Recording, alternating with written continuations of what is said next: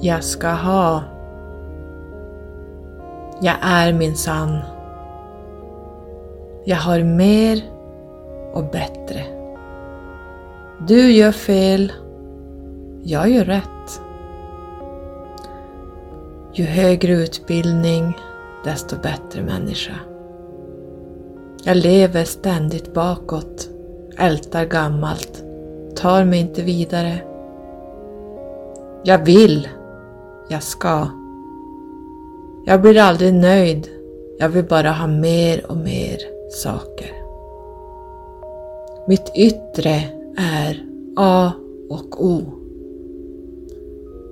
Ju mer jag har och äger, desto bättre är jag. Jag har svårt att se min del i konflikter. Jag har en tvångsmässig bekräftelse. Jag har en tvångsmässig kontroll. Jag är dömande och jag är försvarande. Och jag har osanna förväntningar. Så här låter det när egot pratar och jag tänkte att idag ska vi gå in lite grann på just egot. Välkomna in till Skyrocket-podden med mig Carola.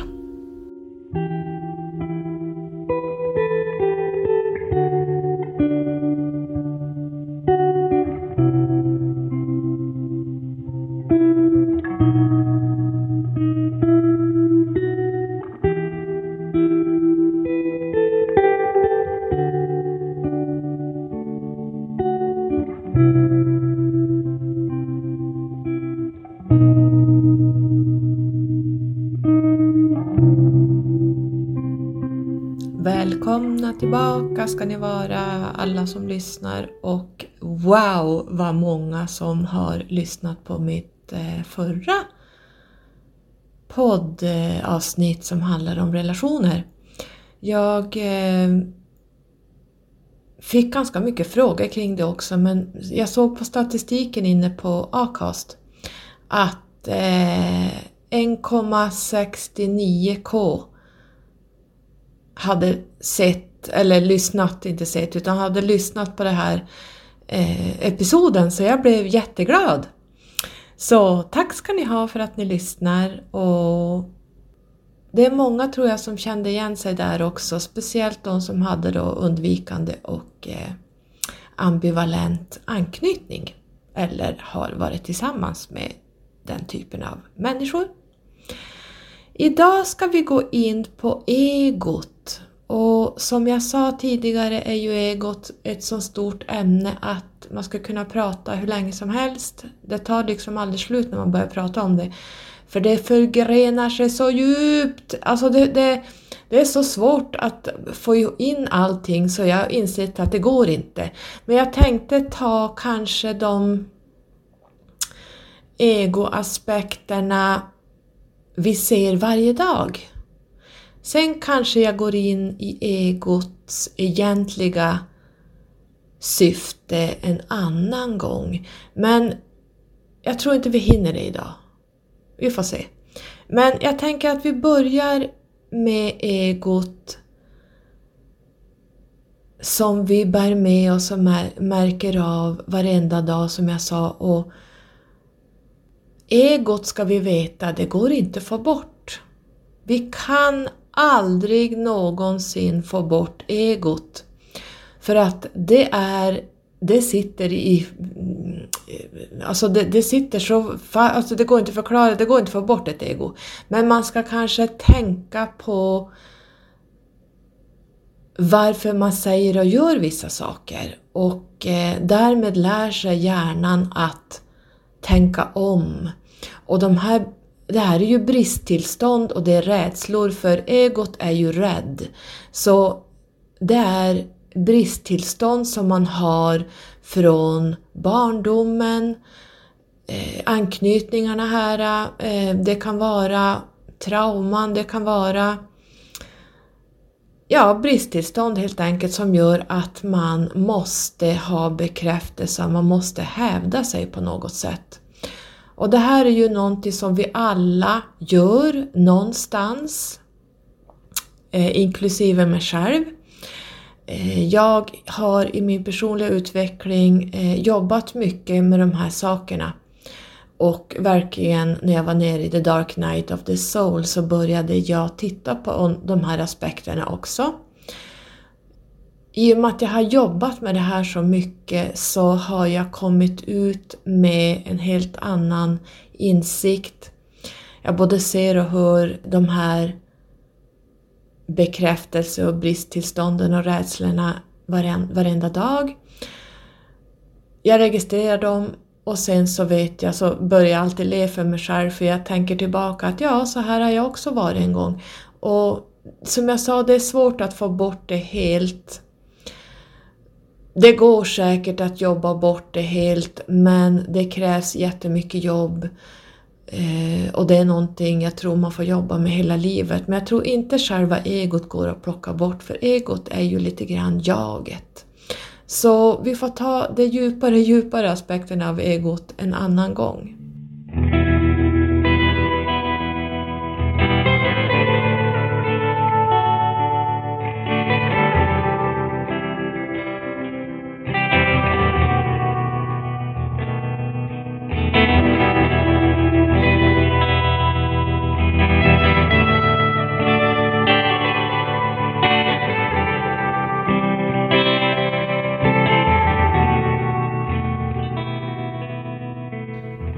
Så jag tänkte vi börjar lite grann med bekräftelse som är ett bristtillstånd. Och här kommer nog många börja fnittra och skratta och känna igen sig. Det gäller alla oss en var. Så man känner igen sig själv och andra när man hör det jag pratar om nu. Eh, och jag tror det är ändå så lite frön att man kan tänka på det här vad man har för, för bristtillstånd och för eh, bekräftelsebehov. Framförallt då på sociala medier. Så jag tänkte vi börjar med då att eh, bekräftelse och bristtillstånden kan ju yttra sig som att byta profilbilder på sociala medier, till exempel Facebook, flera gånger per månad. Det kan vara att fota sig själv på Instagram var och varannan dag, kanske varje dag med loads av filter. Och det här är ju ett bristtillstånd och en bekräftelse att man inte duger som man är. Det är ju det det handlar om det här att de som är jättevackra borde inte behöva lägga ut bilder på sig själv hela tiden. Alltså, det finns personer i, min, i mina flöden som fotar sig själv hela tiden och jag tycker att det här är ganska tröttsamt. Det har hänt att jag har plockat bort folk från min Facebook som fotar, alltså det enda flödet är att det är nya profilbilder.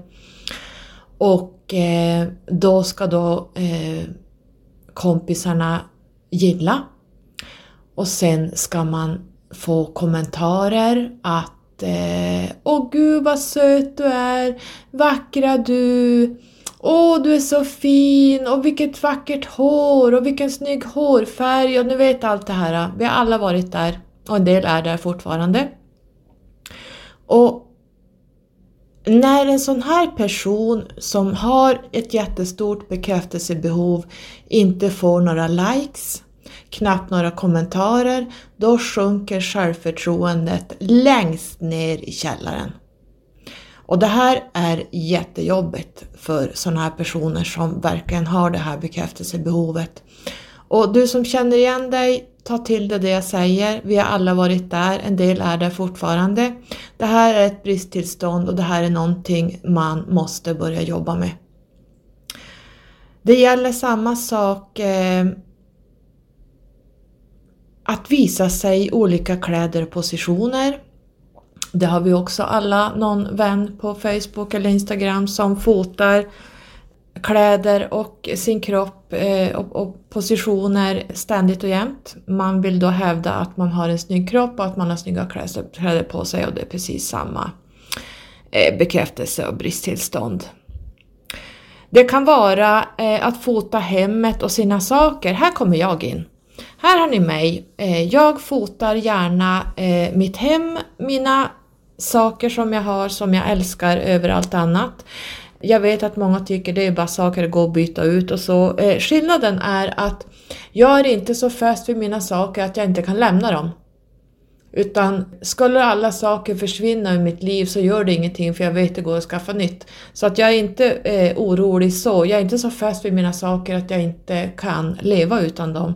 Utan för mig handlar mina, mitt hem och min, mina saker, mina materiella saker som jordmänniska, pentagramsviten ni vet, så handlar det om eh, eh, att ha en balans hemma där mina saker och mitt hem och mina färger som jag har, det vill säga nästan inga alls svart och vitt, är för mig inte trygghet, men det blir mera... Mm, alltså om jag skulle sätta mig i ett tomt, i en tom lägenhet med gröliga tapeter som från eh, 83 och så skulle jag ha ett eh, köksbord som är från, ja men ni vet, alltså här loppisgrejer och eh, det finns ingen röd tråd i någonting. Alltså jag skulle, jag skulle bli psykiskt sjuk, jag skulle inte ens kunna sova. Så, så blir mina energier om jag inte har ett hem där jag har mina saker som jag har valt ut noga.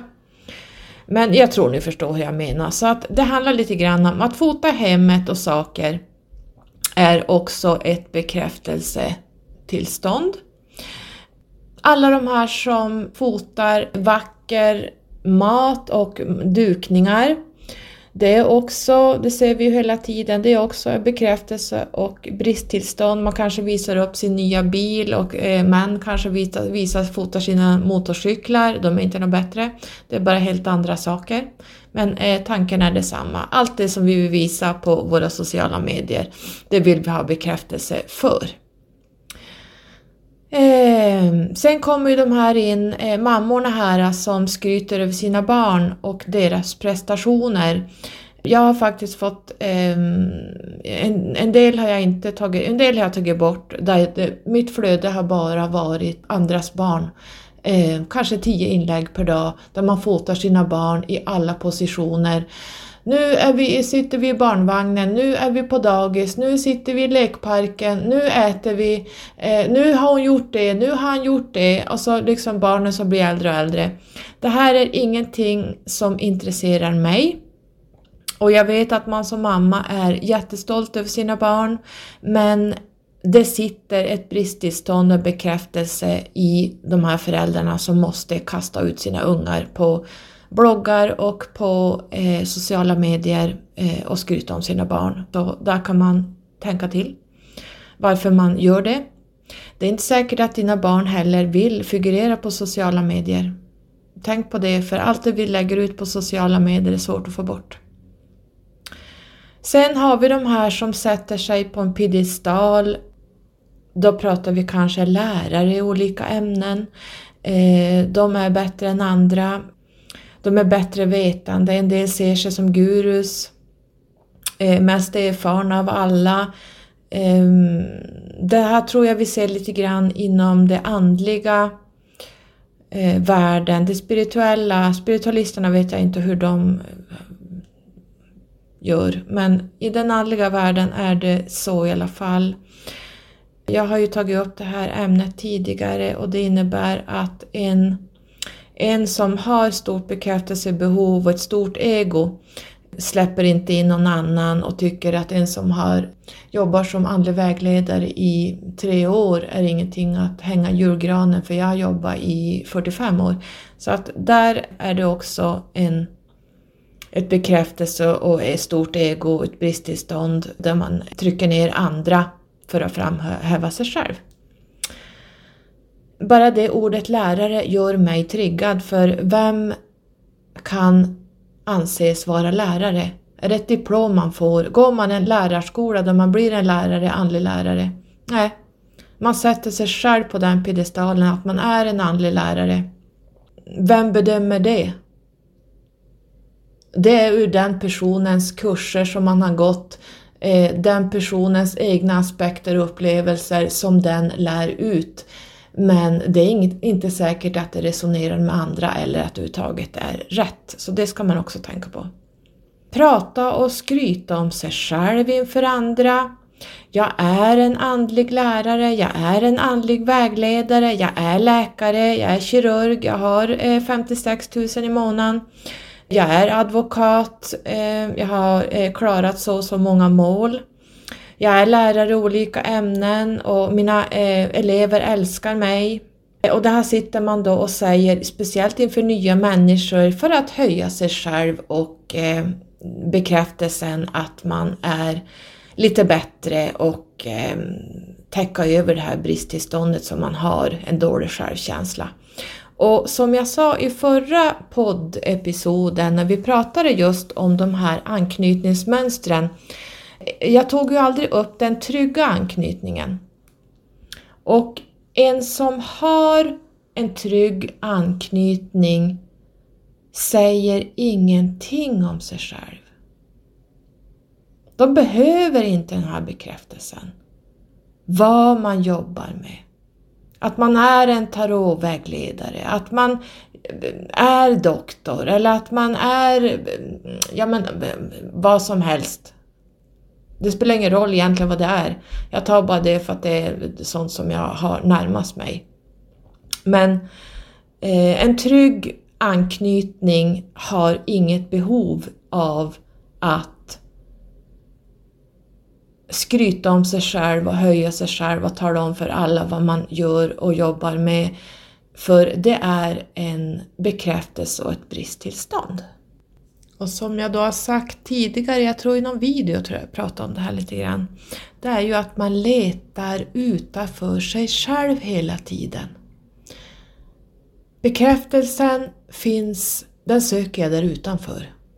För jag är inte bra nog. Och det är ju bristtillstånd som ligger eh, djupt där nere i eh, the shadow, alltså i, i skuggorna av en själv. Eh, man letar allting utanför sig själv istället för att gå in och göra det andliga arbetet och börja plocka upp de här delarna och titta på dem. Varför letar jag allting utanför mig själv? Det kan vara kanske att man jagar karar, man, man letar män eller man kanske letar kvinnor eh, hela tiden utanför sig själv som ska fylla ett tomrum, ett bristtillstånd, eh, bekräftelsebehov av en man eller en kvinna. Eh, man blir kärlekskranka. Jag pratade ju det här om, om det här i eh, den ambivalenta anknytningen, håller ju på så här. Man kanske sitter och pratar skit om sina elever och lägger upp dem på olika sociala medier där man verkligen har ett djupt trauma där man kanske har blivit sviken av någon, en kompis kanske, som visar sig vara, ha behandlat mig illa. Men någonstans så har man bjudit in det här och märker man inte vilka människor man bjuder in och har samarbeten med, då kan man inte kalla sig för andlig vägledare och lärare för då, har, då, känner man inte sig själv. Och känner man inte sig själv då kan man inte vägleda andra heller. Så det här ska man också tänka på att när man öppet sitter och pratar och kastar skit på andra då kommer det från en själv. Det är ditt bristtillstånd som pratar. Det är dina trauman som kommer upp till ytan. Det är dina triggers. Och det här ligger runt i, i egot också för att det, allt hänger ihop, det förgrenar sig hela vägen uppifrån ända ner till rotchakrat och ännu längre ner. Så det här måste man börja jobba med. För man kan inte vägleda andra om man inte ser det här om sig själv, de brister man själv har. Och ingen är perfekt. Ingen är absolut perfekt. Alltså det finns ingen människa som är perfekt. Men när man ska vägleda andra så bör man ha gjort en riktig ordentlig personlig utveckling och varit nere i skuggsidorna och jobbat.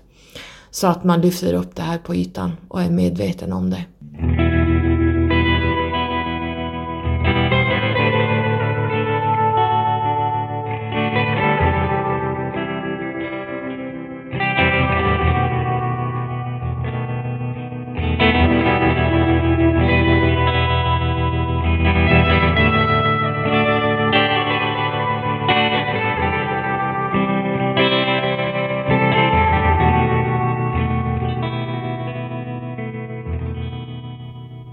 Egot vill ju styra och lever på att ha makt.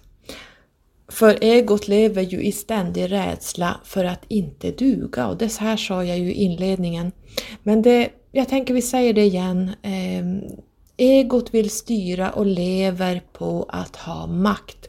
För egot lever i ständig rädsla för att inte duga. Och egot visar sig själv genom en konstant kamp att täcka över våra svagheter. Det är här skon klämmer.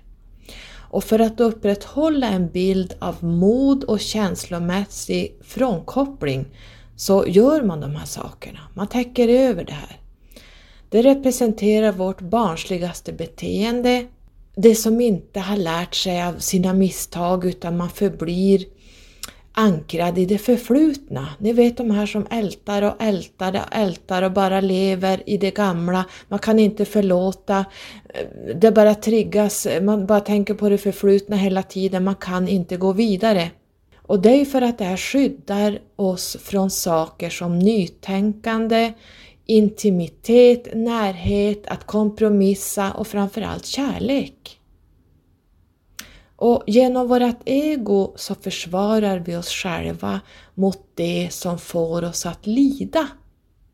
Även från det som har orsakat oss lidande och som har plågat oss. Förnedringar, bitterhet, svårmod, utnyttjande. Allt det här har ristats in i vårt ego och det är så djupa, stora sår att man ser det, jag ser det direkt och det är hos nästan alla och en var på olika sätt.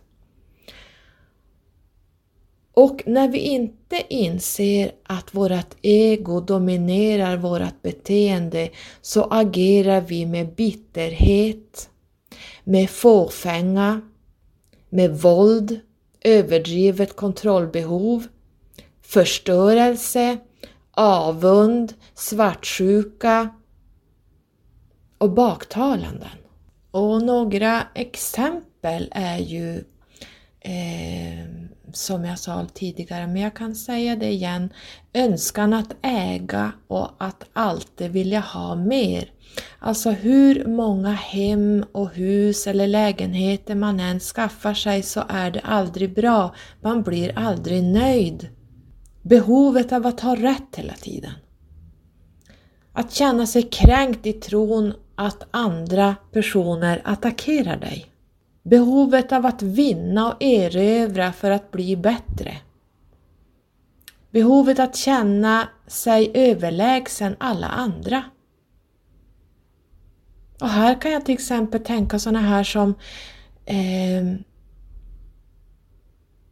tror sig kunna bestämma vem man är vän med på sociala medier, vem man kanske delar eh, videos eller blogginlägg som inte passar andra. Nej men den där personen passar inte mig, den där personen, hur kan man dela och gilla det den säger? Det är ju riktigt stort sårat ego som tänker så. Att man lägger sig i vad ens vänner på Facebook delar för någonting för man tycker att det Visst, jag kan förstå, vissa saker kan man reagera på, men det här att man, man tror sig bestämma vilka personer man ska följa och inte följa. Till exempel andliga vägledare eller lärare, jag vill inte säga lärare för det finns inga lärare. Det finns inga andliga lärare i min värld. Men eh, andliga vägledare, eh, jag kan dela personer, andliga vägledare som jag kanske normalt inte eh, resonerar med. Men ibland så tycker jag att nej, men det här det resonerar med vad jag också tycker, då kan jag absolut dela vad den personen säger, för det här resonerar med mig och jag tycker likadant, så då delar jag det. Och ingen kan sitta och bestämma vad jag, vilka andliga eh, vägledare jag ska eh, följa eller inte. Sånt här är ju helt, det här är ju verkligen överdrivet kontrollbehov och maktspel. Och att identifiera sig genom sina prestationer. Här kommer du in alla de här träningsnarkomanerna, eh, ja, olika prestationer som man gör, barnens prestationer. Man måste liksom kasta ut det här för att släta över sina egna sår och dåliga självkänsla. Och man känner ju då sitt personliga värde genom andra. Man kanske eh, höjer sin sambo till skyarna för att han är ju bättre än mig, han har en bättre utbildning och har bättre lön och, han, eh, och då stärker jag min person, eller mitt personliga värde genom att höja den här mannen till skyarna och det här har vi även ambivalenta eh, anknytningen.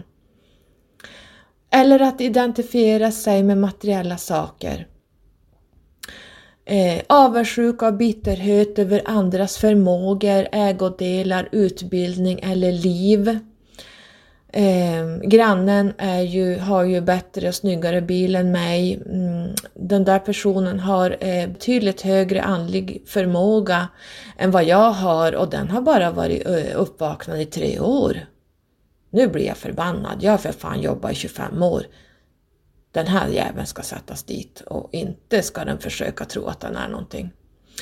Att jaga, förgripa, attackera, förlöjliga, nedvärdera, förfölja, vara besatt och bevaka en person är ju också ett bristtillstånd där, där man har djupa sår. Materiell och personlig bundenhet. Eh, hela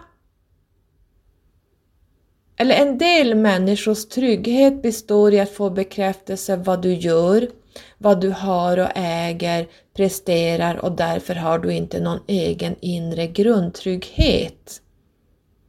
Du är bunden av någon eller något för att vara någon.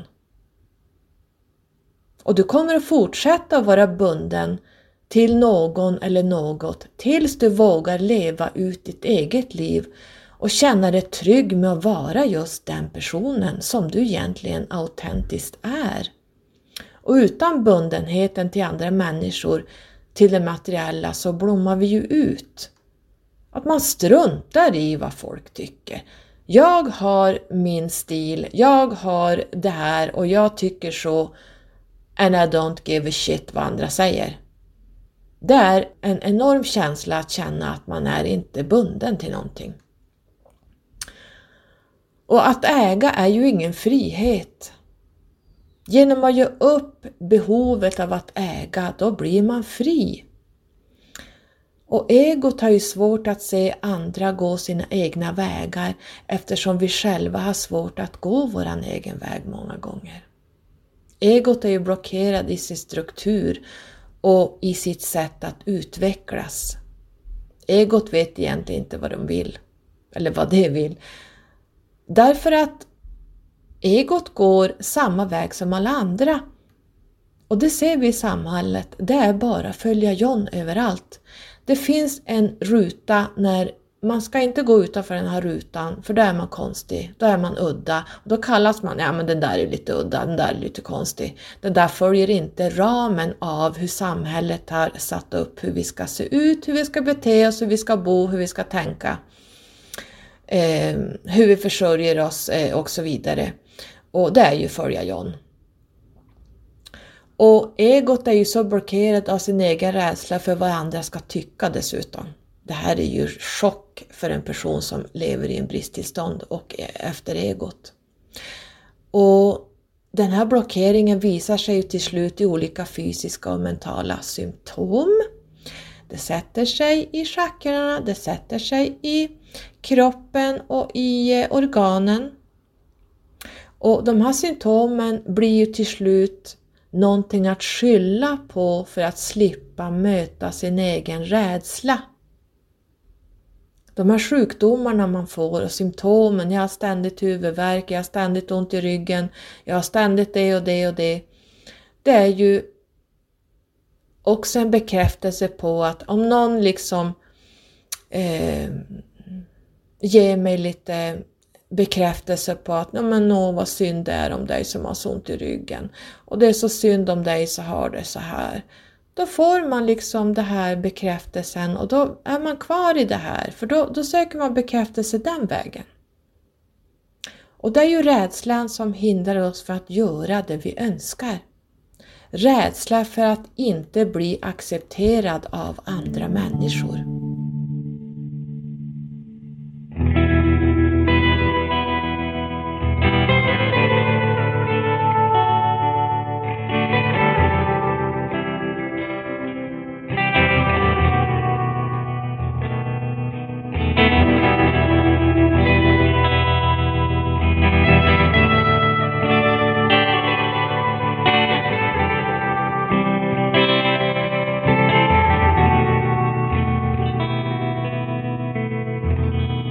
Jag har och jag är mer.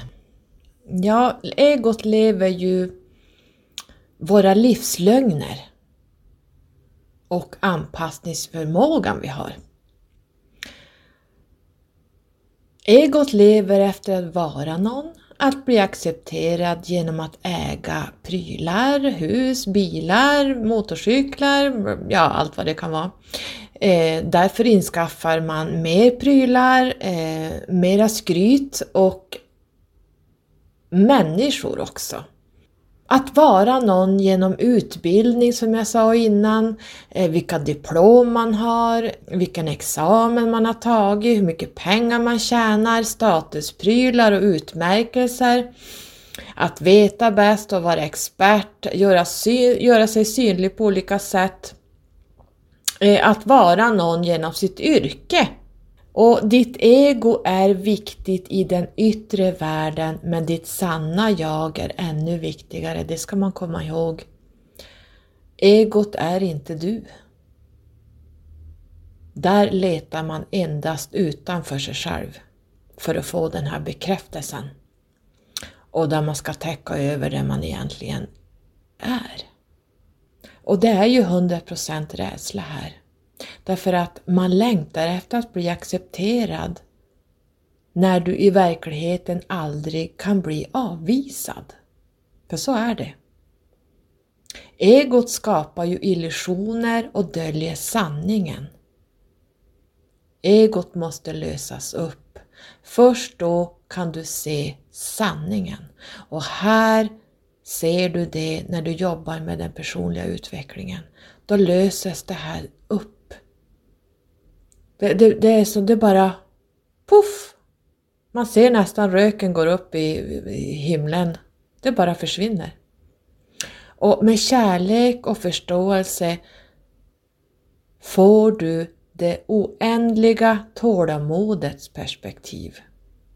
Därför att egot består av 100% rädsla och, och rädd vill man kanske inte gå omkring och vara jämt och ständigt.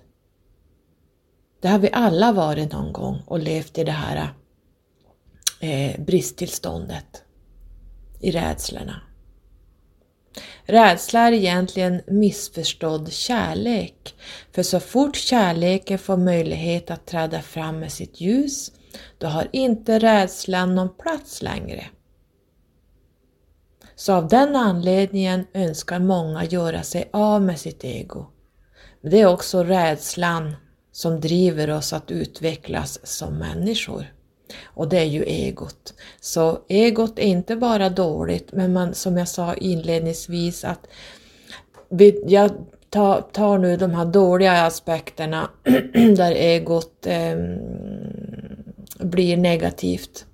Men egot kan ju även driva oss framåt. För jag pratar om det i en, i en annan episod för att eh, då ska vi gå lite djupare vad egentligen egot är. För egot är en reflektion av självet. Egot gör tre saker jämt och ständigt. Den söker tvångsmässig bekräftelse. Egot har ett tvångsmässigt behov av att kontrollera och egot har ett tvångsmässigt behov av att döma, försvara och ha tvångsmässiga osanna förväntningar. Och jag har pratat om förväntningar, jag tror det var andra eller tredje poddepisoden jag överhuvudtaget gjorde, så började jag prata om vad man har för förväntningar och vad det kan resultera i. Så tvångsmässig bekräftelse, tvångsmässig kontroll, dömande och försvarande osanna förväntningar. Det är eh, egot som jag hade tänkt ta upp idag. Och jag har lärt mig att leva efter devisen If it comes, let it. And if it goes, let it.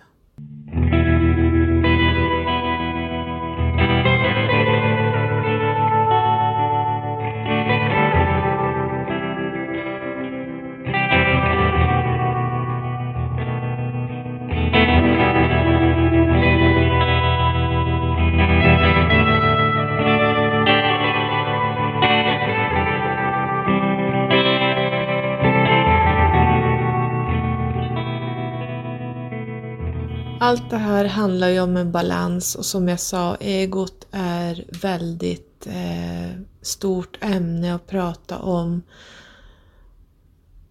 Det är väldigt eh, komplext. Så man ska inte tänka svart och vitt här. Man ska inte sitta och polarisera. Utan man ska ha en balans till allting. Är det fel att lägga ut och byta en profilbild någon gång? Kan jag aldrig fota mig på Instagram? Självklart ska man göra det, för eh, syns man inte så finns man inte. Det är när det blir too much, alltså när det blir eh, ett bristtillstånd och då tror jag ni vet vad jag menar. Allting har en balans vad än du gör. För mig handlar mitt hem och mitt stora intresse kring, är kring just inredning, det är grafisk design. Det är min hobby om jag säger så. Jag lever i min hobby. Mitt hem är min hobby eftersom jag älskar sånt, så för mig blir det inte ett bristtillstånd. Det är när det blir, om jag skulle liksom vicka över och bara sitta och mata ut, mata ut inredningssaker då kanske jag måste skaffa ett konto på Instagram där jag bara håller på med inredning och jag har haft ett sånt konto som jag nu igår har pausat. Mitt första Instagramkonto som heter Carola An.